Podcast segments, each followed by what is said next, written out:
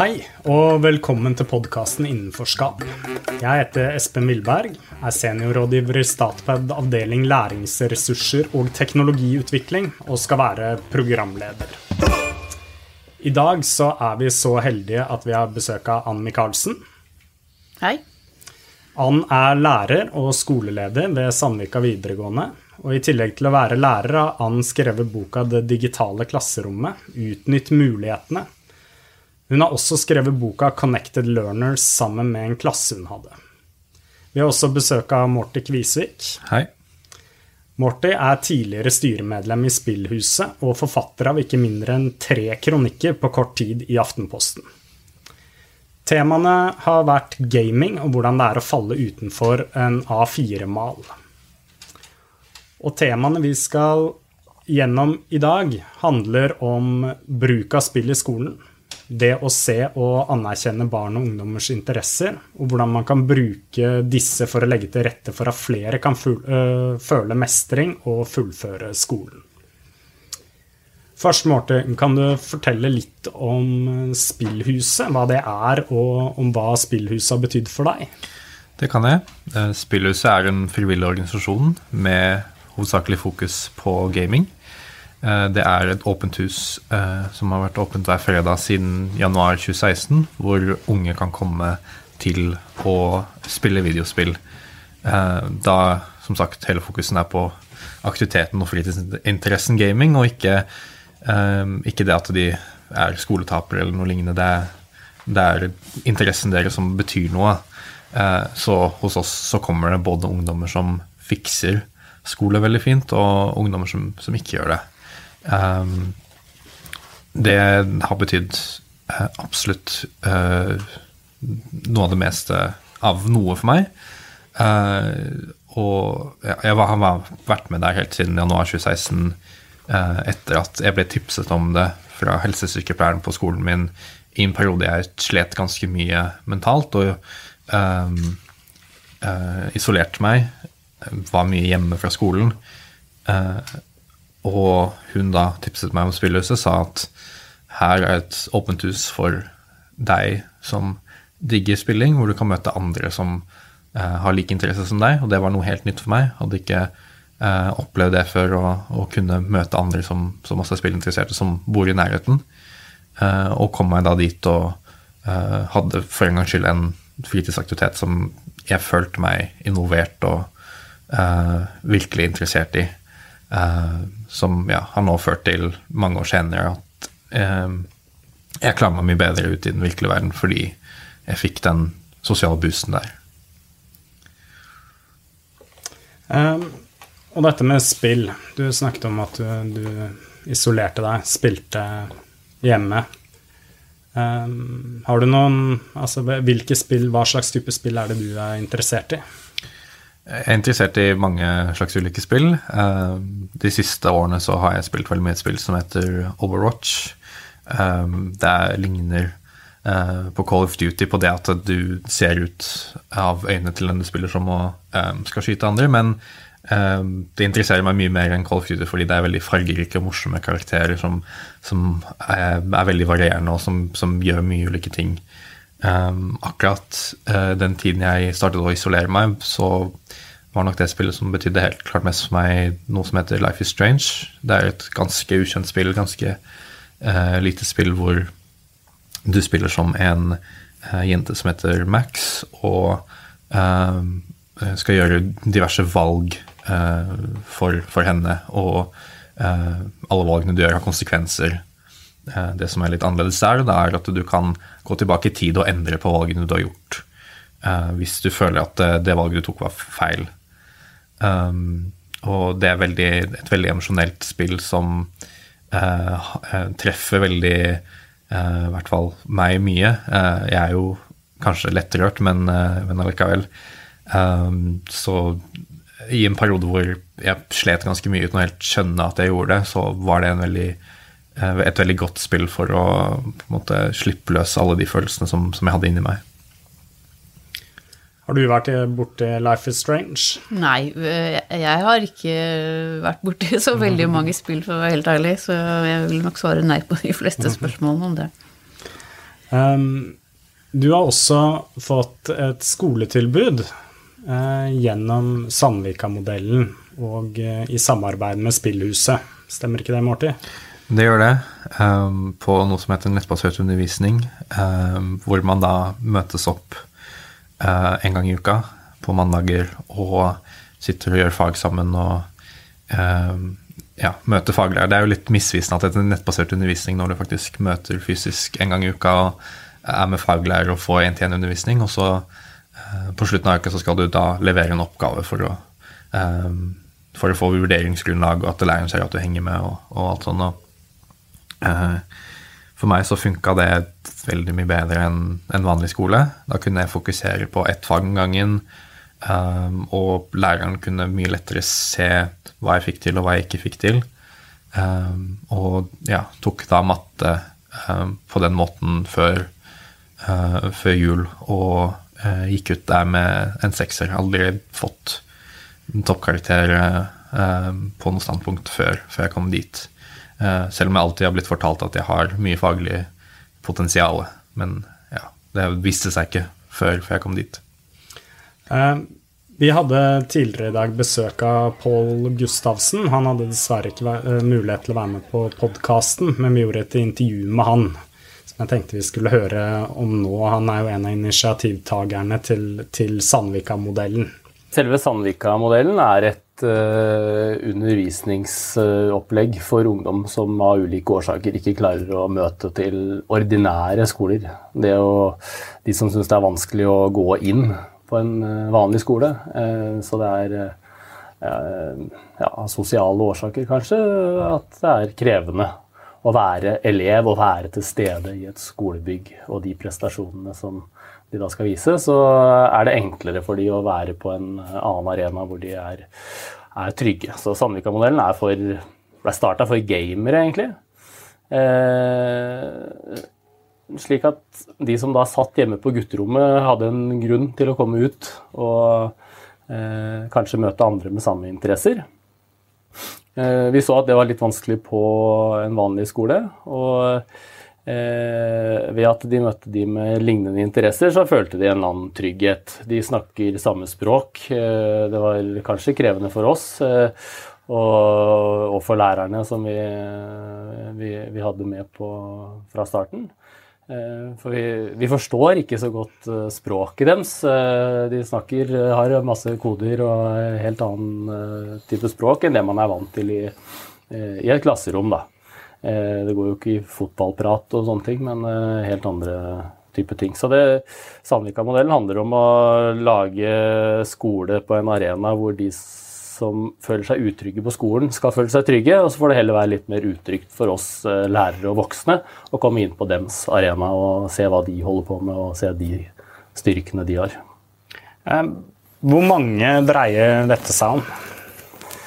Eh, dette, det er jo sånn litt sånn komplisert å, å, se på. For uh, i oppfølgingstjenesten, da, vi jobber jo med alle ungdom som har rett på videregående, men som av ulike årsaker ikke, ikke møter. Uh, og så har vi hatt uh, over flere år litt fokus på de som ja, har hatt et veldig dårlig tilbud. De under 18 år som Nav kanskje ikke er så interessert i å ha registrert hos seg, eh, og som da ikke klarer å nyttiggjøre seg noen av de tilbudene som kommunen eller eh, har. Så vi har vel sett at det kanskje er en 50-80 stykker da, i Asker og Bærum hvert år som er i kategorien som kan passe inn her. Ikke nødvendigvis at de er supergamere. Det er også jenter som som er med her, og som sitter hjemme, men som ikke nødvendigvis er gamere. Men de klarer ikke å gå ut og møte andre ungdom på en arena hvor det krever eh, prestasjon, som i skole. da. Så, så, så vi regner at det er 50-80 stykker eh, til enhver tid som, eh, som, er helt utenfor. Og Hva slags arena er dere satt opp da for dem? Nei, Det er jo i samarbeid med, med Spillhuset. Eh, som er en frivillig eh, organisasjon eh, i Bærum kommune, som er drevet av gamerungdom. Det er liksom et tilbud som har blitt utvikla over år, og, som man har sett ungdommer som faktisk vi ikke fikk til møter eller sånne ting. Og så hører vi plutselig at de møter opp der. Så de gikk dit. Så vi skjønte jo da at ok, ungdom vil jo, de vil ut. Eh, de vil gjerne møte noen, men de har lyst til å møte de som har de, sine interesser. Eh, og når det blir lagt til rette for det, så kommer de jo ut. Møter de, de har, Vi ser at de har masse ressurser. Eh, så det var litt det at vi begynte å spinne litt på, på det. Og vi har også prøvd noe lignende med andre type grupper. For da de som ikke nødvendigvis er sånn spillinteresserte, sånn som den jentegruppa jeg eh, snakka om, som også er utenfor, og som deltar i det samme undervisningsopplegget nå. Men eh, de har da en annen arena, hvor vi ser at ok, det er det å være sosial med andre med, eh, som de kjenner seg igjen i. Eh, så kommer ungdom ut. Så det handler jo om at eh, vi må kunne tilpasse eh, opplegg som er på ungdommens premisser, og ikke bare tenke at dette er en kjempegod idé, og så går vi videre med, med den ideen, og så har vi ingen av de ungdommene som faktisk kan trenge tilbudet med oss. Hvordan ser et sånt undervisningsopplegg ut, mer konkret? Eh, det er omvendt undervisning eh, hovedsakelig. Så vi, vi møtes eh, fysisk. Kan ta litt, bitte litt av forhistorien, så var det jo webbasert undervisning som Akershus kjøpte fra Notodden tidligere, fra Notodden ressurssenter. Men da kunne man opprettholde det der asosiale, det ved å sitte hjemme. Så ok, du fikk webundervisning og sånn en halvtime eller noe i i uka, og så kunne du fortsette å være på rommet ditt. Eh, men jeg skjønte vel at du blir jo ikke noe bedre av det nødvendigvis. Eh, så den er kopiert litt, den webundervisninga. At ok, det er kjempefint å få det på den måten, fordi vi kan kommunisere på dems plattform. Men vi krever at de må møte fysisk òg. Vi må jo mm. møte de for å kunne få de videre. Så er vi nødt til å bygge en relasjon. Så derfor eh, møtes man fysisk på, på spillhuset eh, og har undervisning, og hvor lærer kommer opp dit, gjennomgår, har muntlige høringer eller samtaler med, med den enkelte. Så det er én-til-én-undervisning. Eh, de sitter jo med headset og PC-en sin og jobber med Flip Classroom og eh, ser videoer, spiller spill. Eh, og så leverer man i Google Disk, som vi da bruker, for de har et eller annet imot eh, It's Learning. eh, så derfor prøver vi, og, og Discord òg, som vi da bruker for kommunikasjon. For vi prøver liksom å gjøre det kjent, eh, kjent for de. Eh, så i tillegg til det fysiske fremmøtet og, og, med lærer, så er det da omvendt undervisning som er, eh, er det vi bruker da. Du var inne på Discord. Hva er Discord? Uh, ja, det er jo gamernes sånn chatterom. Uh, uh, der de lagene snakker sammen. man kan kanskje kalle det en form for Facebook, eller Slack kanskje, som man bruker i arbeidslivet. er jo bygd opp på veldig eh, lik måte. At man kan eh, ha ulike rom og kanaler og, og temaer, og så er det å snakke og kommunisere eh, ja, som en kommunikasjonsplattform. Så dere har beveget dere inn på, på deres arena? Ja, vi, vi, har prøvd det. Så når, når vi starta, så vi med, fikk vi med en, en, eh, ordentlig hardcore gamer, mm. og som hadde interesse for det, for det tekniske òg med, med, den undervisninga. Så han brukte vi både til å finne fram spill Vi, vi kunne ingenting.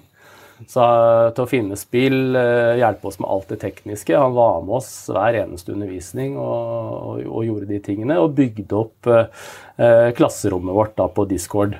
Eh, med de kanalene man trengte og, og de begrensninger som vi, vi hadde behov for òg. For det, vi er jo ikke ute etter at man skal begynne å prate sånn eh, ja, At det kom opp uheldige ting mm. i en sånn kanal. For det, det, var jo både elevene og vi eh, lærere og personer rundt som var inne der. Så det tok litt, tok litt tid for oss å, å venne oss til det. Men så ser man at det var en veldig enkel måte å få kontakt da, med, med, de ungdommene på. For når de da satt på, på kvelden og, og spilte, og du svarer eh, eller stiller, legger ut noe i Discord, så kommer det opp en varsel. Tjuk, så veit du at de har sett den og, uh, og fått vite at undervisninga er klokka ett den dagen. Uh, så det Ja. Det er for å prøve å, å være på den der de er. Veldig mange svarte jo ikke på SMS f.eks., eller tok ikke telefonen når vi ringte, men så svarte man med én gang når vi var på Discord. Så det handler vel sikkert litt om, om at vi viser litt sånn anerkjennelse for det de eh, holder på med, og at de tingene de gjør, er, eh, er bra. Um, er det sånn da Tar man mange fag av gangen, eller er det Går det Nei? Vi, vi, har ett og ett fag om gangen. Eh, så det, når, vi, ja, når vi akkurat avslutta samfunnsfag nå, men da, da er det åtte-ni uker hvor man da intensivt jobber med ett fag om gangen. Så man, man, starter kun det hele perioden, ferdig. Og så begynner neste fag. Eh, og veldig mange av de som er med da fra, fra høsten, de blir med stort sett gjennom hele, hele, året. Og det er jo det som er litt eh, gøy med det her òg, er at vi, vi, ser jo at ungdommen de vil jo gå på skole, de. Så lenge du klarer å, eh, å, legge det til rette på den måten som de føler trygghet, og de føler at de eh, blir eh, sett og får vist hva de, hva de, kan. Og det ser man jo da både på resultatene de viser òg, at eh, det er jo ungdommer her som aldri noen gang har hatt en karakter i hele sitt liv, som har fått sine første karakterer. Og da kommer de jo tilbake, og de jobber hardere og hardere. Og, eh, sånn som har gitt opp skole, egentlig, og så ser man at det går. Og så er det plutselig gøy med skole igjen allikevel, da. Ja, hvordan eh, er det sånn at de fleste gjennomfører? Få karakterer? Eh, ja. Eh, det er én til tre eh, på hvert eh, kull, stort sett, som som ikke gjennomfører. Eh, nå på samfunnsfag var det to, og det, da har det vært eh, sykehusinnleggelse eller ting som gjør at eh, det ikke blir forsvarlig å få satt noe karakter, pga. at de ikke får møtt opp til de fysiske møtene. For det er et ganske sånn strengt krav vi har. For det, ellers så er det et web Mm.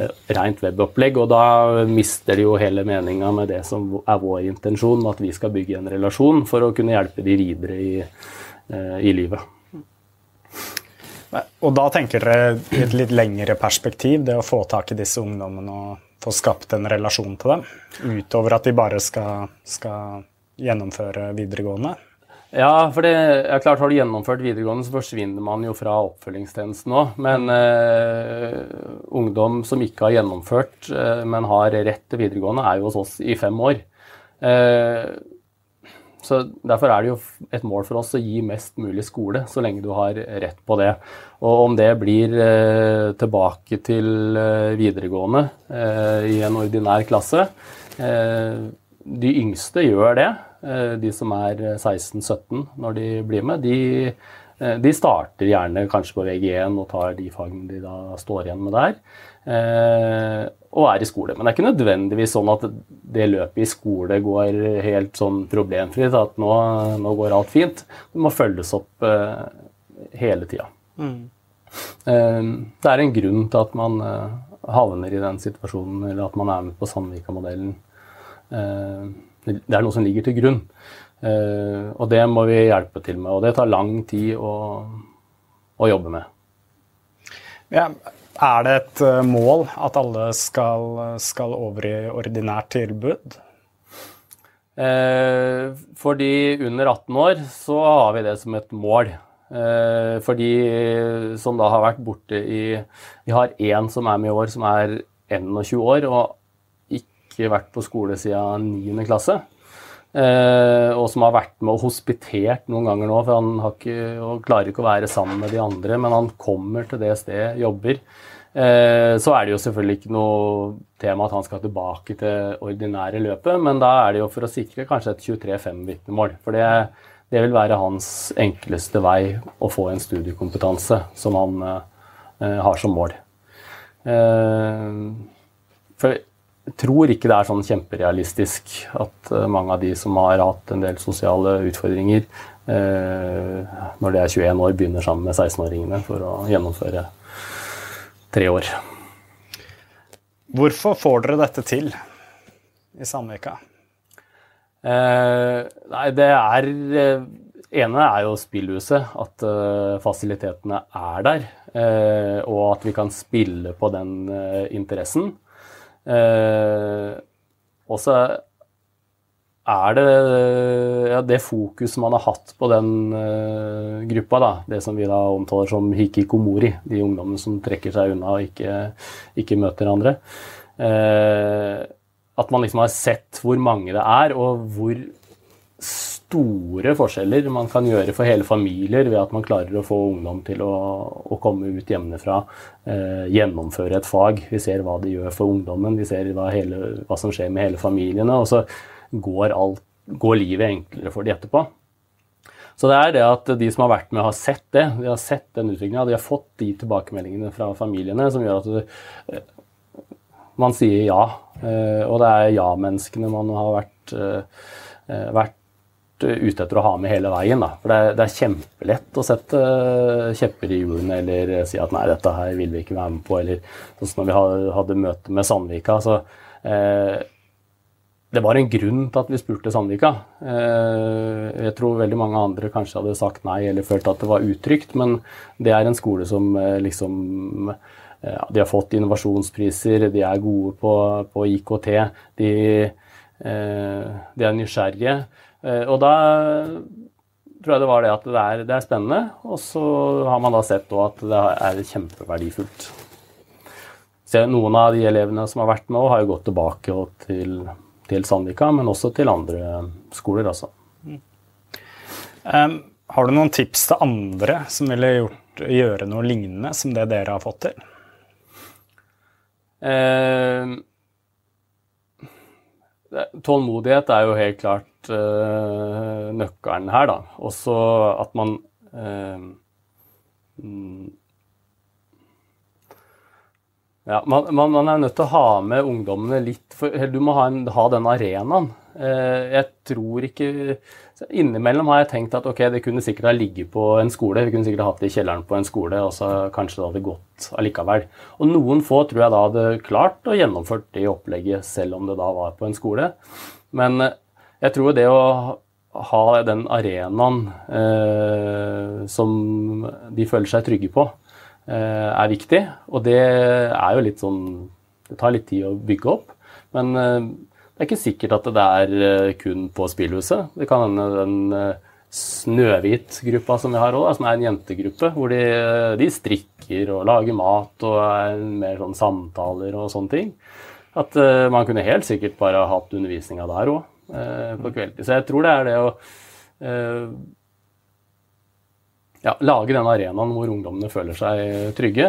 Og så må du jo da ha lærere som, som er interessert, og som Eh, kjenner til alle måter å vurdere en elev på. Du, det går ikke an å være kjempefirkanta med de ungdommene her. Det er masse eh, ekstra som, som kreves. Eh, det er, det er, ikke sikkert man får til vurdering akkurat den dagen man møter på spillhuset. Så det, da må du ned, ha møte et annet sted. Noen ganger må man ta det på telefon. Så man må ha litt sånn uredde lærere òg, og som har kjempegod oversikt over uh, vurderingsmulighetene og det som ligger der. Mm. Møter dere aksept for det dere holder på med? Ja, nå gjør vi det veldig stor grad. Både, nå er hele, alle skolene i vårt område eh, er jo nå kjent med det og, og, støtter det, og hele vår avdeling da, for videregående opplæring. Så men det er klart, vi har, vi har jobba hardt altså, i, i, to år for å, for å, få det til. Og eh, flere søknader og, og, sånne ting. Men eh, eh, det er det at vi aldri har, eh, har, gitt oss. Og det med Sandvika som har sagt at nei, vi, nei, vi fikk ikke midler, men vi, vi fortsetter. Det her er, har vi så troa på. Eh, og vi ser at det nytter, så vi fortsetter. Og det, det har jo nå da gitt gitt en løsning, sånn at det, det blir et uh, tilbud nå som vi tilbyr da, på lik linje med andre tilrettelagte opplæringstilbud i, i, fylket vårt. Kan du si litt om hva slags tilbakemeldinger dere har fått fra ungdommene og foreldre? Ja, nå er jo først ja, Ungdommene de, de, får man jo tilbakemelding med at man ser at de faktisk begynner å snakke med deg. De svarer deg med en gang du sender en melding. Så de eh, Man skjønner jo at, de, at, man har gitt dem noe som har en verdi for dem. Eh, men eh, og så er det heller foreldre da, som eh, sender brev eller skriver en mail om eh, at at det har vært en sånn utrolig utvikling da på, eh, på ungdommen eh, sin, og hvordan situasjonen er, er, hjemme. Og spesielt det på at energinivået til ungdommen har økt. Da. Den, eh, kanskje ME-diagnosen eller depresjonen eller sånne ting blir ikke så synlig lenger. Så for lenge du mestrer, så, så blir du fortere frisk enn ved at du alltid Eh, ja, blir liggende i senga, sitte på rommet ditt, ikke møte andre mennesker. Så, så holder man seg der nede. Så Nei, jeg tenker det. Det at ungdommene kommer tilbake, det at de vil være med videre, eh, er de tilbakemeldingene vi, vi trenger. Eh, dere snakker jo en del om dette med sosial helse. Hva legger dere i det? Nei, det er jo eh, nettopp det med de gruppene, da, eller eh, det å de må øve på å være sammen med andre, på en måte. Mm. Det, det, er klart det er en grunn til at man har havna der man er. Og da er det jo det, sånn som Snøhvit-prosjektet, er jo det å At de ungdommene ikke skal føle at de er aleine med de utfordringene de har. Eh, men må alltid, vi må ha med voksne eh, i lang tid for å unngå konflikter og sånne ting. Så det er jo litt sånn sosial eh, trening, veldig mye av det vi, det vi gjør. Så det er, jo ikke bare skolefaglige ting, men det er den med den generelle delen. Altså det å bli et menneske igjen. Komme tilbake. Um hvordan, altså Du har vært litt inne på, på både den Snøhvit-gruppa og også hvordan dere har lagt opp det undervisningsopplegget i samarbeid med Spillhuset. Men hvordan kan man få til å jobbe tidligere med dette for å unngå at man kommer, kommer så langt at det er behov for eh, så mm, Altså den typen tiltak? Uh, ja, nå er det jo vi, vi, får jo en del tilbakemeldinger fra en del av de ungdommene vi, vi jobber med. Eh, og som vi har jobba med lenge. Og når, vi, når, de ser at eh, vi ikke gir oss, da, eh, for det, det, har de opplevd mange ganger, at mange som vil hjelpe, men så gir de opp. For det er kompliserte og det er krevende saker, og det er mye de står i. Så hvis man skal jobbe med sånne saker aleine, sånn som en rådgiver på skolen skal drive og møte sånne ungdommer med de utfordringene de har, og alt som, som kommer opp, så tror jeg kanskje at man gir opp litt. Eh, man trenger å være fler eh, i, hjelpeapparatet rundt. Da. Eh, så oppfølgingstjenesten er jo ikke Vi er jo ikke skole, men vi jobber veldig, veldig, veldig tett inn i skole. nettopp for å, å støtte og være med de rådgiverne som står i de tunge samtalene hver eneste uke og, og dag. Eh, så jeg tror det er det som eh, kanskje må til også i, eh, i grunnskole òg. At man trenger noen som koordinerer eller er med hele veien. For, det, for en rådgiver så tror jeg det kanskje det blir at de drukner. Mm. Um, ja, du ser Ungdommene de blir borte mot slutten av de som er med her, blir borte sånn i 6.-7. klasse, så begynner de å få en del fravær. Og så begynner de igjen i 8. klasse, eh, lite fravær. Og så i 10. klasse så er de kjempemasse borte. Og så begynner de i videregående, og så blir de borte ganske fort. Så det, er jo veldig mange ungdommer som eh, det ser, de har et håp, da. Mm. Ok, nå, neste år, da bytter jeg, da er det ungdomsskole, da blir det bra. Eh, og så går du ut ungdomsskolen, så blei det ikke så mye bedre. Og så begynner du videregående og tenker ja, nå blir det bra. Nå møter jeg de med samme interesser, eller Og så blir det ikke nødvendigvis sånn. Så det er jo det som er, eh, er, er utfordrende. Da. Hvordan skal du klare å lage arenaene på slutten av barneskolen, da det begynner å bli kompliserte sånne sosiale forhold, og i, og i ungdomsskolen. Så jeg tror man må trygge de der da, på det å skape arenaer hvor de føler at det er eh, verdifullt å være på skolen òg. Ikke bare det å være i faget. Um, ja, og du er mye inne på, på det med relasjonene her. Og vi mm. ser jo i Statped når vi jobber med barn med, med, høyt skolefravær, at det veldig ofte er det som mangler. Det er noen av dem som har relasjoner til medelever, men andre har ikke det i det hele tatt. Mm. Men en gjenganger er at de ikke har relasjoner til de voksne på skolen. De ikke ja. føler at de har den nære, nære relasjonen til noen mm. som holder dem der. Hvordan, Du snakket om at dere går inn i team, eh, team. Hvordan jobber dere med det å skape den sosiale relasjonen? Nei, eh, når de da begynner Vi begynner jo da så vidt det er i, i 10. klasse med å ha ett møte med mm. elev, foresatt, rådgiver. Eh, og høre hva er det som skal til for at du skal lykkes på videregående. Og da er det noen ganger eh, eh nei, møte lærer eller noe før jeg skal starte. Det er bare sånne små trygge, trygghetsting. Eh, og så har vi da noe som heter nettverksgrupper. Eh, og da er det kanskje rådgiver på skolen eller kontaktlærer.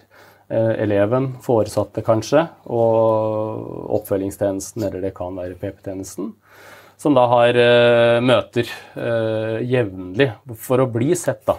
Uh, det å bygge den relasjonen til den enkelte. og noen har vi møter med hver eneste uke.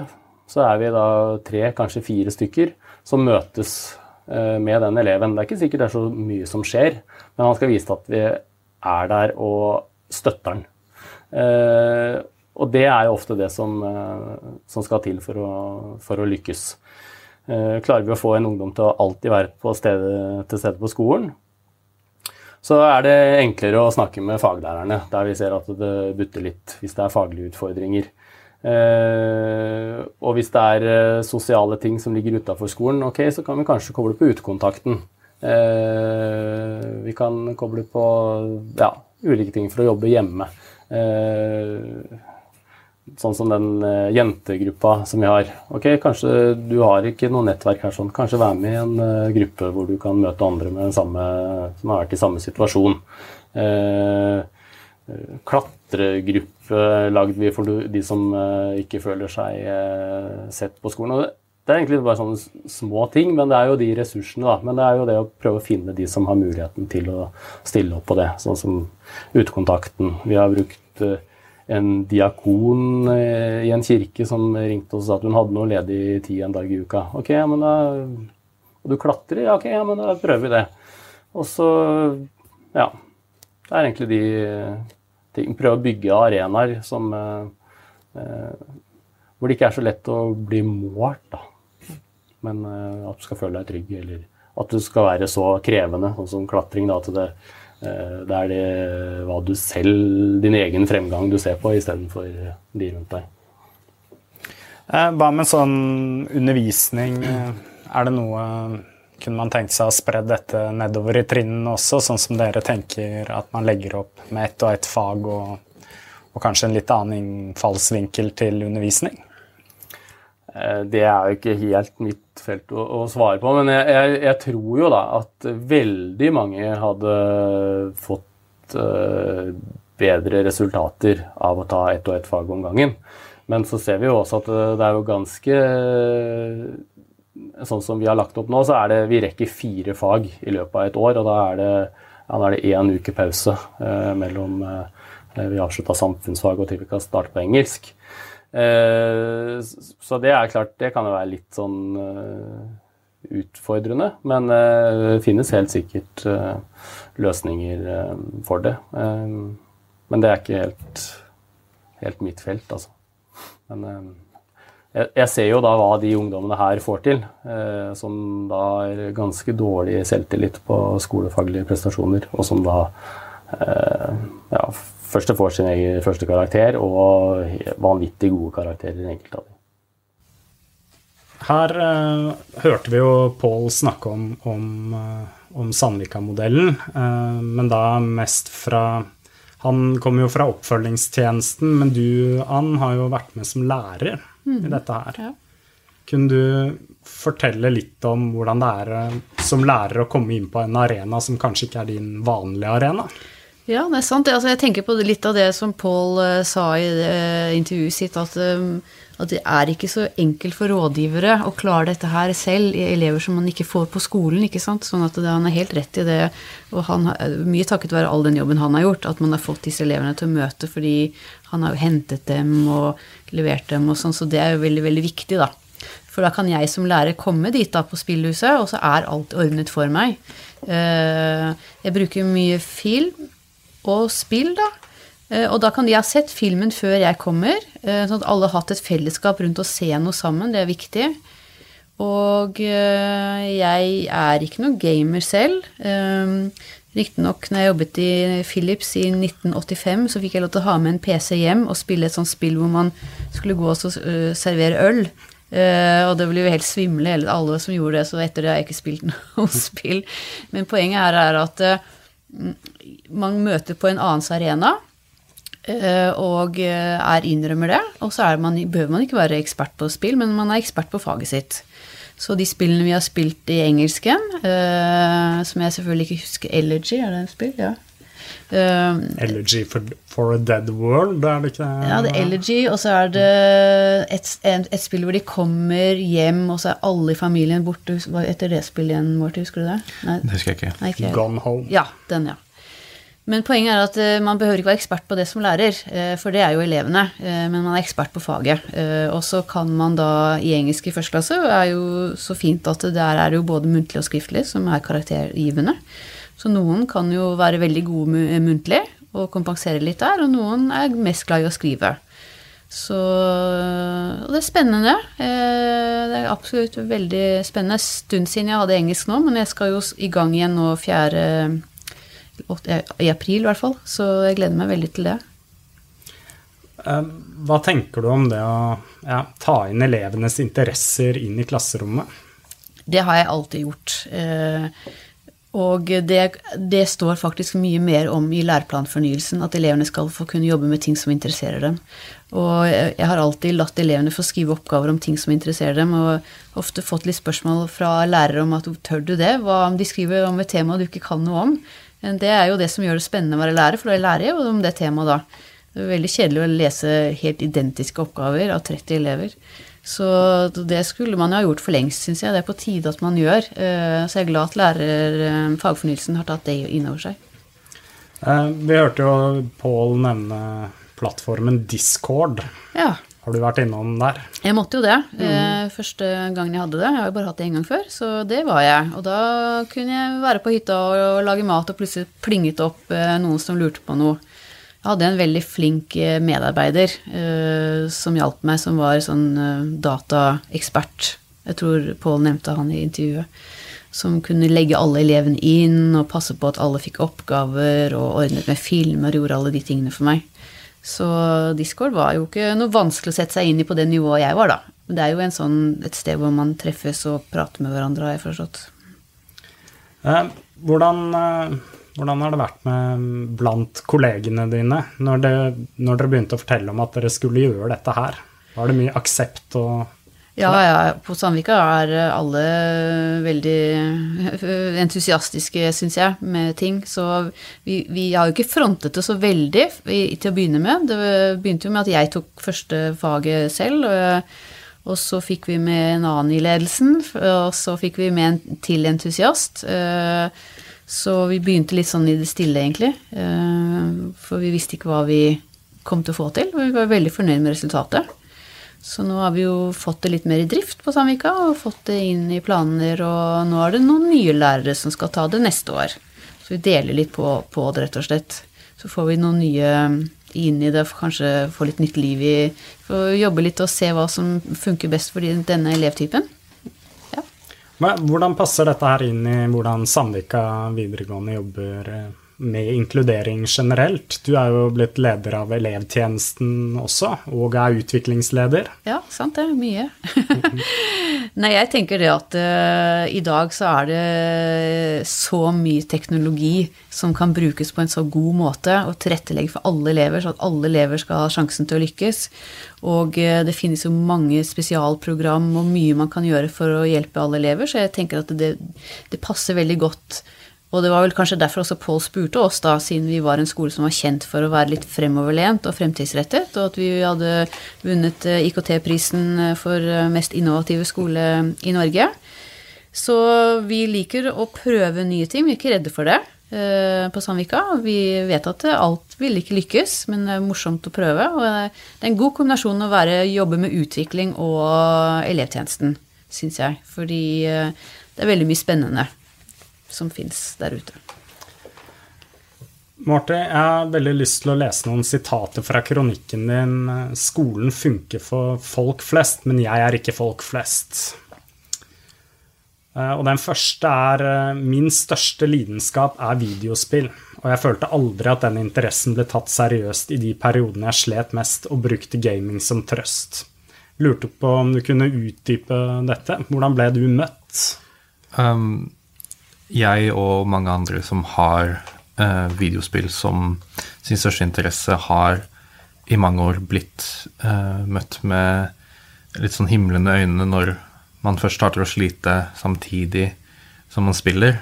Da har ofte folk tradisjonelt sett tenkt at det var spillet sitt feil, og at det, det er derfor du er hjemme og sliter. Um, men det var først av hun eh, helsesykepleieren som informerte meg om om spillelse som jeg følte at eh, noen var mer positive, da.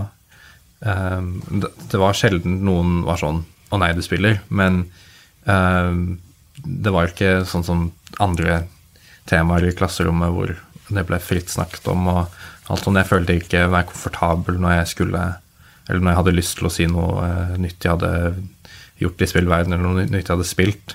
Um, så var jeg aldri komfortabel med å snakke om det. Mens eh, andre klassen som ja, hadde sett eh, fotballkampen i helgen, Liverpool mot United, så var det mye mer ok å snakke om, da.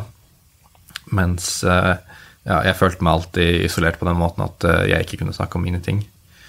Eh, og jeg tror mange eh, som har spilt mye, har kjent på det samme. og det at ja, de ikke tar det like seriøst og, og ikke tar like godt hensyn til, til, at man kan ha andre typer interesser. Da.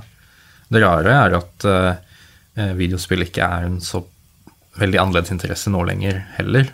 Det var gjort en undersøkelse, um, barne- og medieundersøkelsen i 2018, uh, hvor de faktisk fant ut at 96% av gutter mellom 9 og 18 faktisk spiller videospill. Så det er jo en veldig vanlig interesse, og da er det litt merkelig for meg når jeg fortsatt ser og hører det at å ja, videospill, nei, det er bare waste of time. Uh, hvorfor skal du spille det? Du bare misbruker tiden din og kaster bort alt. Um, når grunnen til at jeg slet, ikke var videospill, men, men heller uh, litt dypere vonde tanker og angst.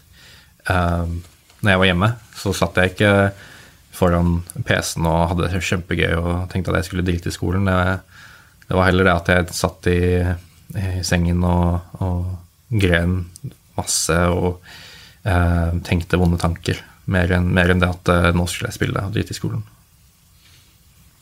Og hvordan kommer spill inn der, eh, tenker du? Du skriver jo dette med gaming som trøst. Mm. Eh, for meg så har spilling alltid vært en flukt.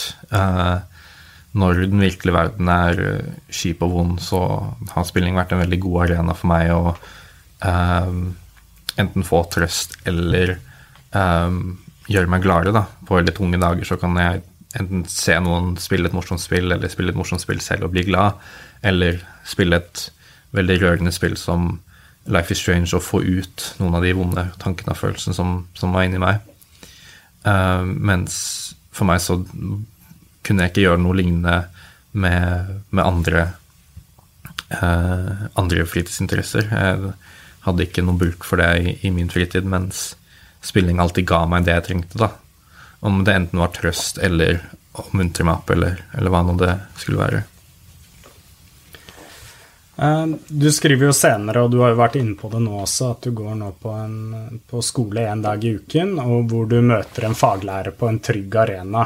At det funker utrolig bra for deg, men at du ikke kan slutte å tenke på hva du kunne blitt tilbudt tidligere i skolegangen. Hva, hva mm. syns du man uh, burde blitt tilbudt tidligere i skolegangen? Jeg tenker at det er viktig å plukke opp elever tidlig um, hvis man ser at de blir litt utenfor. Uh, selv så klarte jeg aldri å strukturere hverdagen min gjennom de vanlige ukeplanene på skolen, og da var det mamma som faktisk satt ned og lagde, lagde alternative ukeplaner for meg, og ikke, det var ikke skolen som, som, gjorde det, fordi det hadde de ikke tid til. Um, og generelt når jeg falt litt utenfor, så fikk jeg aldri tett oppfølging, følte jeg.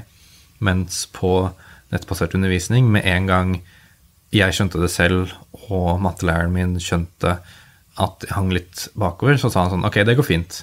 Uh, etter matte så uh, skal jeg fortsatt være der og ha naturfag, så kan du fortsette litt over der. Og han, var veldig fri og, og, strakk på en måte hva som var greit for å passe rundt meg mer enn at alt skulle liksom passe perfekt inn i systemet, i systemet hans.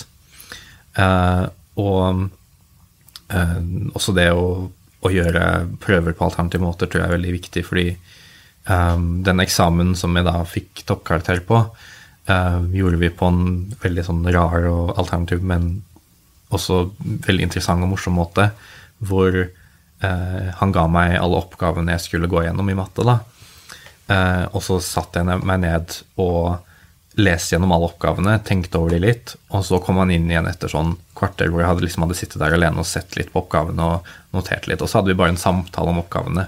Litt mer lignende muntlig, men også ikke like sånn spesifikt at dette temaet skal du kunne masse om, men sånn generelt over alle temaer. Og så var det veldig spesifikke oppgaver som fylte opp alle kriteriene man trengte for å, for å forstå faget. da. For man kan jo vise eh, faglig eh, kunnskap og um, Ja. Um, altså man, man, kan vise faglig kompetanse på mange diverse måter, tenker jeg. da, At det trenger ikke å være sånn spesifikt uh, Du må kunne skrive tre ting om denne lille tingen, og så må du kunne skrive tre ting om denne, men det finnes oppgaver hvor man kan vise mer på en gang. da.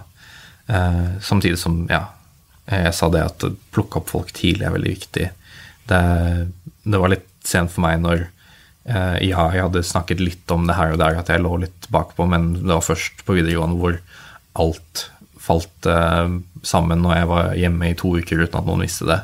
Det var liksom først da man tenkte mer over det. Eh, og da er man 16 år og har hatt skolegang i ti år pluss og egentlig alltid vært litt bakpå, uten at det har blitt tatt seriøst.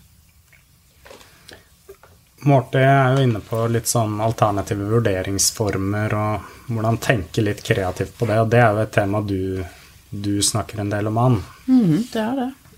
Jeg er enig i det. Jeg kjenner jo veldig igjen det Morty forteller i sin historie. Det er, det er så sammensatt, vet du. Fordi det var jo også noe Pål var inne på, at det er for mye altså Alt liksom blir lagt på rådgivere og jeg syns det er veldig interessant både å være leder av elevtjenesten og skoleleder og lærer, for jeg ser at uh, for mange lærere så er det Så glipper de tingene der. Uh, faglærere, 30 elever, mye å passe på, kontaktlærer, mange de skal passe på, rådgiver. Og så vil jo disse situasjonene som Morty beskriver, falle ut, da. Så da er det jo elevtjenesten, altså de voksne sitt ansvar og hjelpe til der å lage gode rutiner på det. Og også hjelpe lærerne, ikke sant, ved å da tilby alternative opplæringsformer. Kanskje i en periode for noen, og så går de tilbake igjen. Og så må man lage grupper som er trygge og forutsigbare. ikke sant, Og som man sier du, Vi ser jo mange elever som eh, ikke møter på vurderinger fordi de syns det er skummelt og farlig.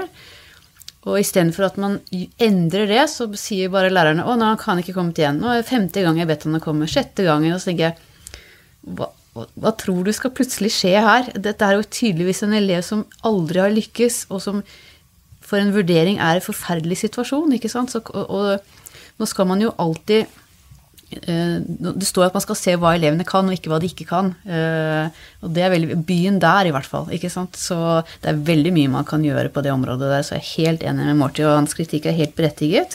Man skal se sånt mye før. Så det er det vi må jobbe mye mer med på skolen, rett og slett. Eh, hvordan skal man få til det? Ja, det er, det er et godt spørsmål. Jeg prøvde å innføre 'kom når du kan'-prinsippet for de svakeste elevene hos oss. At de skal selv få lov til å komme når de syns de kan bli vurdert. Eh, vi har mye én-til-én på noen for å få de i gang. Vi har små grupper eh, som vi tilrettelegger. Vi har eh, studenter fra universitetet som kommer og hjelper oss med noen elever og forklarer og viser, og vi lager egne situasjoner for dem. Så det er jo bare å ha et godt system, da, som du fanger opp disse elevene med en eneste gang. Og ofte er det, er det litt sent på videregående, for de har kanskje allerede skjedd selvfølgelig på ungdomsskolen. Eh, og da kommer jo oppfølgingstjenesten inn, sånn som i dette spillhusprosjektet som vi har nå, hvor vi lager et eget opplegg for dem. Men det favner jo bare no, noen, ikke sant. Det er jo andre som fortsatt er på skolen, og som også trenger hjelp. Så det er mange som trenger hjelp, da. Jeg tenker at um, det er viktig å ikke være redd for å tenke utenfor boksen. og finne nye alternative måter å tenke på. Ikke, ikke bli så redd som lærer å gå ut for din egen komfortsone. Eh, F.eks. For, for Ann så var det sikkert en utfordring å eh, gå på plattformen til ungdommene og, og, gå på Discord, og der var de mye bedre kjent enn henne. Men hun gjorde det for at de skulle føle seg bra. Det er mye viktigere at sårbare unge og barn eh, er komfortable, mer enn at lærerne skal være så komfortable i alt de gjør. Og de fikser It's Learning kjempegreit, men kanskje ikke elevene gjør det de fikser deres måte å gjøre undervisning på, men kanskje ikke elevene gjør det. Jeg tenker Fokuset må være på hva elevene får til, sånn som han også sier, mer enn det lærerne får til. Nei, men Er ikke dette litt i konflikt med kanskje den tradisjonelle lærerrollen? Altså som, som kunnskapsformidler? Nei, ikke nødvendigvis. Egentlig, vet du, med innføring av teknologi, så må alle lærerne erkjenne at eh, de kan ikke alt lenger. De, det er ikke en sånn fasit i klasserommet jeg skal ikke undergrave at mange er veldig kan alt, men, eh, men, du har elever som sitter bak i klasserommet og googler og finner ut ting, eh, endrer seg fort og sånn. Så du Læreren er fryktelig viktig i dag med teknologi. Viktigere enn noen gang, kanskje, ved å fortelle og, og hjelpe elevene å finne frem i alt, all informasjon som fins der. Men vi lærere må jo være veldig klare for at vi kan ikke alt. Eh, og vi må være veldig klare for at vi har eksperter i klassen på enkelte områder som vi benytter oss av. Men faglig er de de sterkeste, selvfølgelig. Sånn er det jo alltid vært. Så det er viktig at eh, lærere tenker at ok, dette kan de mer enn meg, og de vil lære. Alle vil, alle vil lykkes. Det var vel noe Pål sa òg. Det er jo ingen som Morty sier som sitter hjemme og bare trasser og ikke gidder å lykkes. Alle vil jo lykkes. Så vi må bare finne hvilken måte skal vi få det til på, da. Spille på styrker og interesser. Absolutt. Og, og eh, relasjonskompetanse, selvfølgelig. At eh, jeg er glad når du lykkes. Eh, jeg er ikke noe glad når du gjør det dårlig. Jeg, vi vil at alle skal lykkes. Og hvis man eh, snakker med hverandre og har en god dialog på det, så, så tror jeg det er mye vunnet der. Ja, men du har jo snakket litt om, eh, Morty, det der med å bli sett og vi vet jo det fra ganske mye arbeid med barn og unge med stort skolefravær, som faller utenfor, at de gjerne ikke har de nære relasjonene til, til voksne på skolen. Ehm, hvordan tenker du Hvordan har det vært for deg? Møtt av oppfølgingstjenesten av veiledningssenteret, er det vel, i Asker og Bærum? Eh, for meg personlig så ble møtt veldig godt når jeg startet å falle ut av eh, veiledningssenteret. Eh, de så veldig fort med en gang på videregående nivå da, at jeg slet og prøvde å finne alternative måter og fulgte meg opp ganske bra. Hadde en miljørådgiver på skolen som har, jo som i hovedoppgave å sørge for at alle har det bra. som fulgte meg veldig med opp og som prøvde å hinte til at jeg skulle komme til skolen ved å si at vi kan spille Fifa sammen og sånn. Uh, og det var flotte tiltak som, som ikke var gjort tidligere. Um, som, som, jeg tenker er, er, litt teit, fordi når jeg gikk på videregående skole, så hadde jeg mistet mange av uh, vennene mine fordi de startet på andre videregående skoler enn, enn den jeg startet på. Uh, da gikk jeg ikke på, på Sandvika, en annen skole. og da slet jeg veldig med å finne noen nye å være med og bli godt kjent med. Og da følte jeg meg veldig utafor um, sosialt. Og jeg tenker det er den eneste grunnen til at jeg klarte å komme meg på skolen i tidligere år. Fordi at jeg visste at ok, nå kan jeg gå og møte en person som jeg er veldig glad i, og som kan snakke med og snakke med alt om. Uh, og så når jeg mistet det på videregående, så ble det tungt.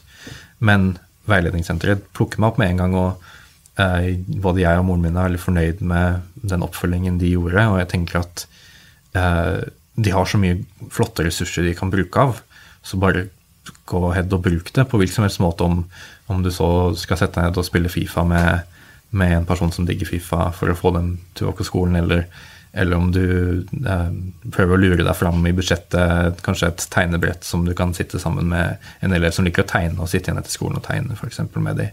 Bare finne de alternative måtene og hva som gjør skolen bedre for visse elever. da. Hvordan ser din drømmeskole ut, eh, Marty? det var et godt spørsmål. Um, min drømmeskole er vel egentlig litt mer abstrakt. Det er ikke sånn veldig spesifikt, men det er i hvert fall en skole hvor alle føler at de får yte sitt beste. Et, en skole hvor man ikke føler seg som en taper hvis, hvis man feiler én ting. Um, altså, man har meg som føler seg som en taper fordi jeg ikke kom meg på skolen, men så kjenner jeg også folk som eh, føler seg som tapere når de får femmere istedenfor seksere.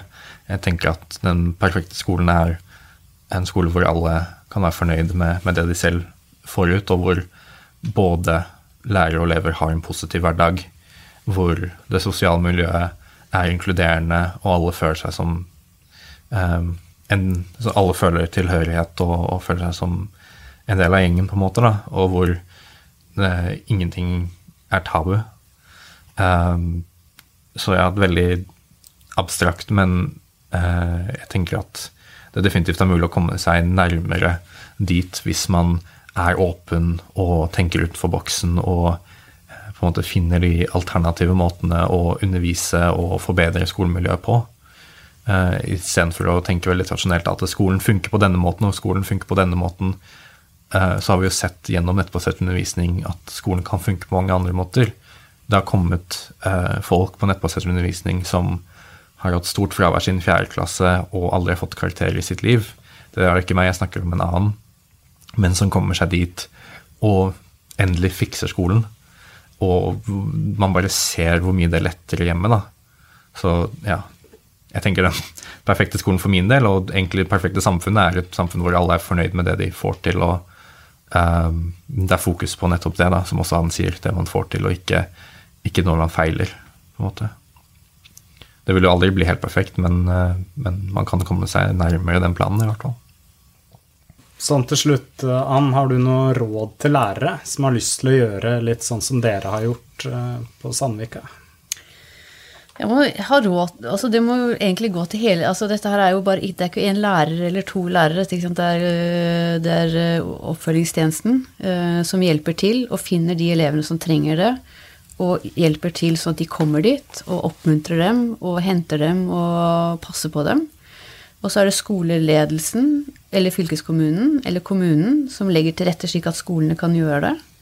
Uh, og så kommer vi til lærerne. Uh, og på Sandvika er det mange lærere som kunne gjøre dette her. Uh, og det handler litt om å være kreativ, ha relasjonskompetanse, kunne være litt tøff og gjøre noe som er litt annerledes. Uh, prøve ut ting. Og ikke være redd for å spørre andre. Jeg fikk jo mye hjelp av det som het Norsk senter for IKT-utdanning før, til å finne disse spillene som vi brukte i engelsk. Så du på en måte bruke Statpeds eh, websider. Dere har jo masse tips der. Så bruke litt hjelp, snakke med andre, og så ikke være redd for å prøve, da. Det er mitt råd. Ja. Tusen takk for at dere ville komme og snakke om disse veldig viktige temaene. Bare hyggelig. Bare hyggelig.